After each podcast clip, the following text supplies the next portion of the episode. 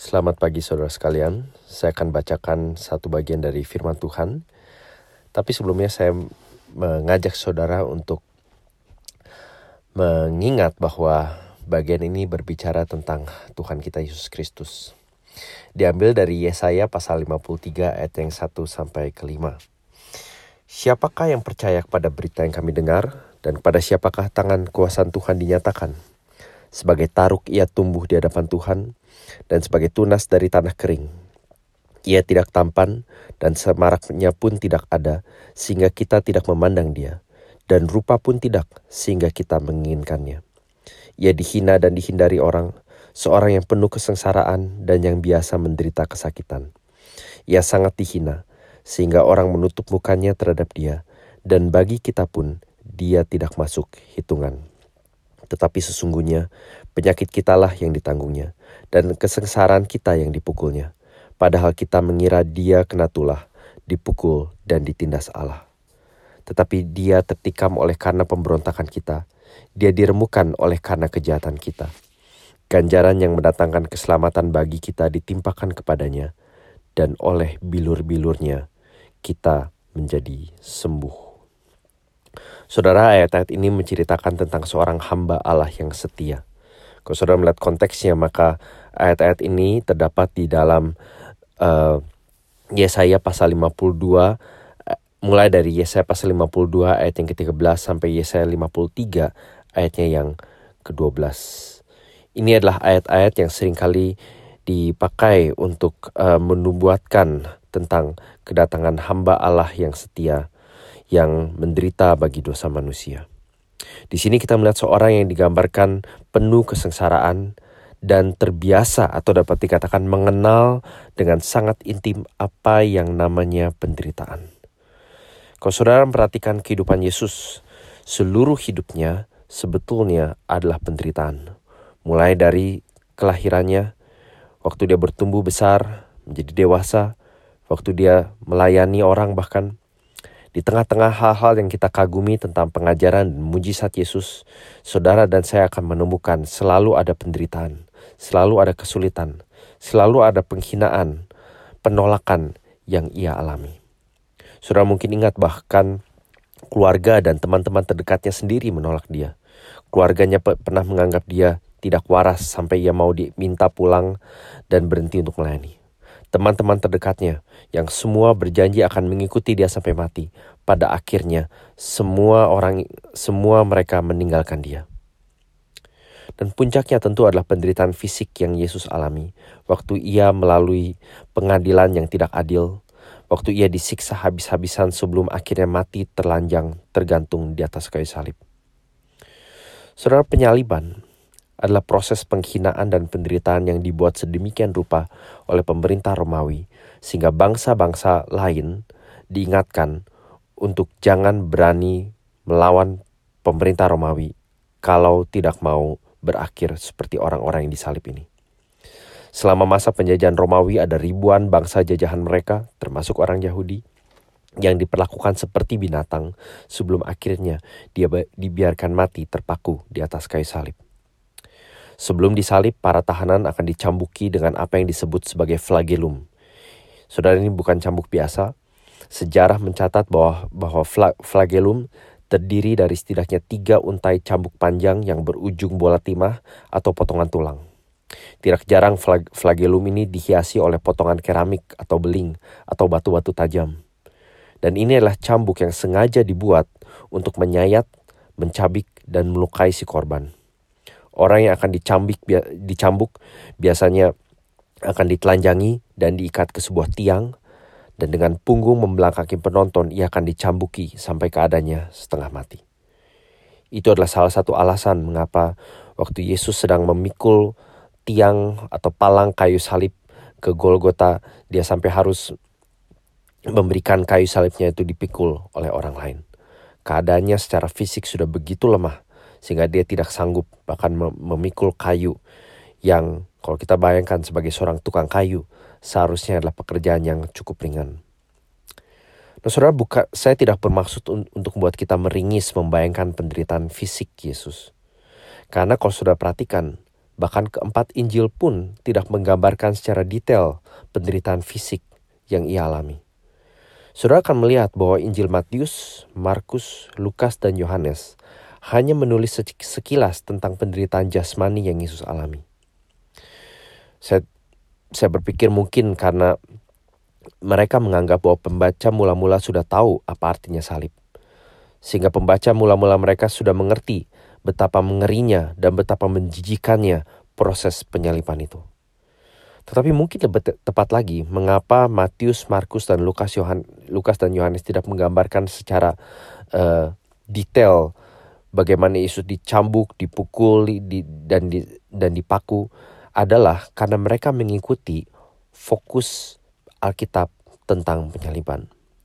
Saudara akan menemukan bahwa Alkitab lebih berfokus bukan saja pada bagi, bukan pada bagaimana, tetapi mengapa Yesus disalibkan. Perhatikan di bacaan kita hari ini di Yesaya, Yesaya pasal 53 ayat 4 sampai ke 5 menggambarkan alasan penyalipan Yesus. Nah ini saudara mengapa sering kali sulit untuk menggambarkan penderitaan Yesus di layar lebar. Lebih dalam tanda kutip lebih mudah untuk menggambarkan pendapat bengisnya uh, para petinggi agama Yahudi meng mengadili dan mukuli Yesus. Betapa kejamnya prajurit Romawi mencambuki dia dan kemudian secara perlahan memaksa dia untuk uh, ke, ke ke kayu salib dan lalu digambarkan shot per shot bagaimana ia dipaku dan dilukai dan dia dia menderita secara fisik. Tapi yang paling sulit digambarkan adalah apa yang Alkitab coba jelaskan. Saudara perhatikan di bacaan kita hari ini, di ayat 4 dan 5 di, diceritakan alasan dari penyalipan dan penderitaan Yesus. Ayat 4. Tetapi sesungguhnya penyakit kitalah yang ditanggungnya dan kesengsaraan kita yang dipukulnya. Ayat 5. Tetapi dia tertikam oleh karena pemberontakan kita dia diremukan oleh karena kejahatan kita. Ganjaran yang mendatangkan keselamatan bagi kita ditimpakan kepadanya. Dan oleh bilur-bilurnya kita menjadi sembuh. Saudara perhatikan ada pertukaran antara dia dan kita, dia dan kita, dia dan kita. Betul saudara, penyaliban Yesus secara kasat adalah penderitaan yang biadab dan tidak manusiawi. Tetapi dari sudut pandang Allah, penderitaan Yesus terjadi karena kita. Seperti saya katakan di atas, Yesus bukan satu-satunya orang yang pernah disalib di abad pertama. Tetapi dia adalah satu-satunya yang disalib karena kita. Nah, saudara mungkin tahu saya suka nonton apa yang nama yang sering kali disebut uh, behind the scene atau adegan di belakang uh, sebuah film, bagaimana film itu dibuat. Dan saya sering sekali kalau entah pinjem atau nonton uh, DVD atau Blu-ray, nonton filmnya sambil mendengarkan apa yang disebut dengan director's commentary. Itu uh, kalau saudara tidak familiar itu pada dasarnya film akan dijalankan tapi kita tidak menonton atau tidak mendengarkan suara dari pemain atau bahkan musik dari film yang kita dengarkan adalah penjelasan dari uh, sutradara film tersebut bagaimana proses kreatif bagaimana dia memilih adegan tertentu bagaimana dia memilih sudut pandang tertentu dan saya selalu tertarik karena saya uh, tertarik untuk melihat proses kreatif di di balik film-film favorit saya. Dan kadang-kadang di adegan uh, behind the scene ini kita melihat tokoh yang di dalam film itu bermusuhan satu sama lain yang mengatakan aku akan bunuh engkau dan aku akan menghabisi engkau dan kemudian mereka saling uh, menghina satu sama lain dan mungkin bertengkar dan mungkin salah satu akhirnya membunuh lawannya. Tapi kadang kalau saudara melihat behind the scene ada adegan di mana kedua aktor ini mereka berangkulan, tertawa dan dan mereka mereka mereka bercanda satu sama lain Sam, di antara uh, di antara aktivitas syuting. Nah, saudara, apa yang kita lihat di Yesaya pasal 53 adalah sutradara agung kita menjelaskan tentang salib. Allah sebagai sutradara, sutradara agung sejarah, dia sedang menjelaskan bahwa kematian guru Yahudi yang sempat naik pamor ini tapi kemudian diadili secara curang dan dan menemukan ajalnya di atas kayu salib seolah-olah menderita kutuk dari Allah sendiri adalah kematian yang terjadi karena kita. Di ayat-ayat ini Allah seolah-olah membalikkan wajahnya kepada saudara dan saya dan mengatakan, "Kamu lihat apa yang terjadi kepada anakku? Kamu lihat penderitaannya? Kamu lihat bagaimana dia dihina?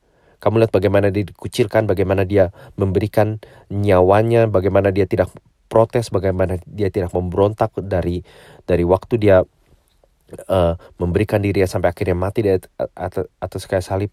Sang sutradara agung berkata pada saudara dan saya, itu terjadi karena kamu.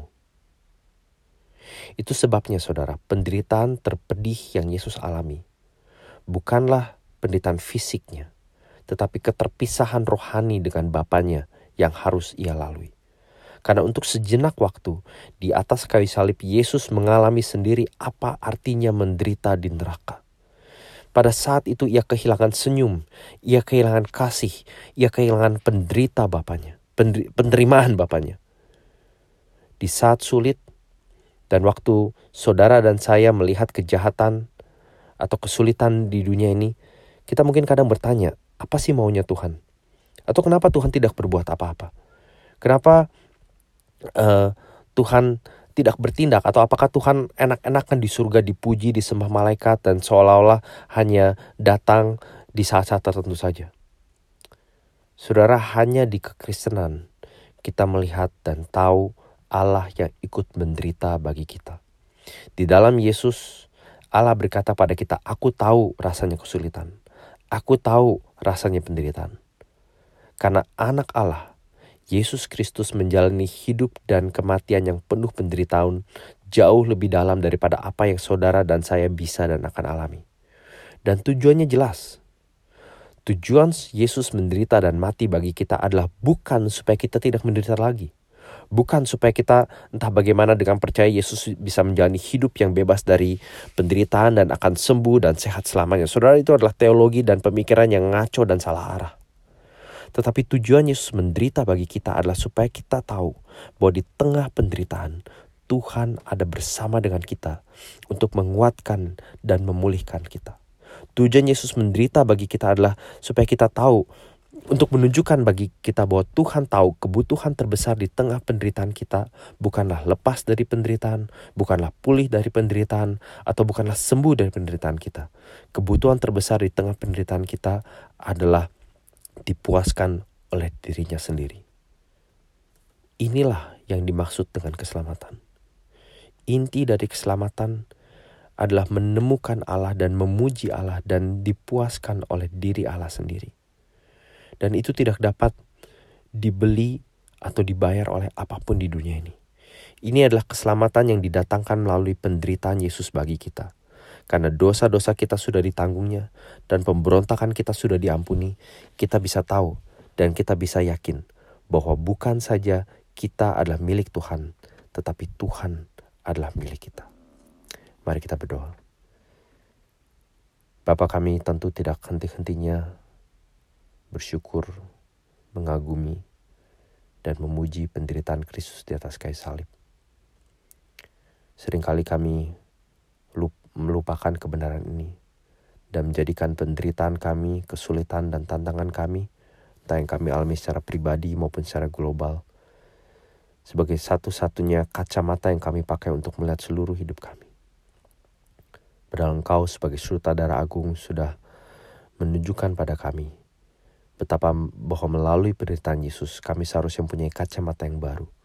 Bahwa ia telah menderita bagi segala pemberontakan, dosa dan pelanggaran kami, sehingga kami bisa mendapatkan dan menemukan Engkau, menerima kami sepenuhnya dan seterusnya. Bapak kami berdoa kiranya kami boleh semakin dalam lagi mengagumi uh, gentar dan mensyukuri penderitaan Kristus bagi kami. Sehingga itu tidak membuat kami uh, mengecilkan penderitaan kesulitan yang kami atau orang lain alami. Tapi juga tidak membesar-besarnya bukannya keluar dari proporsi yang ada, melainkan menghadapinya dengan realitas bahwa engkau telah memberikan anakmu bagi kami, supaya kami beroleh dirimu sendiri. Demi Tuhan Yesus kami berdoa. Amin.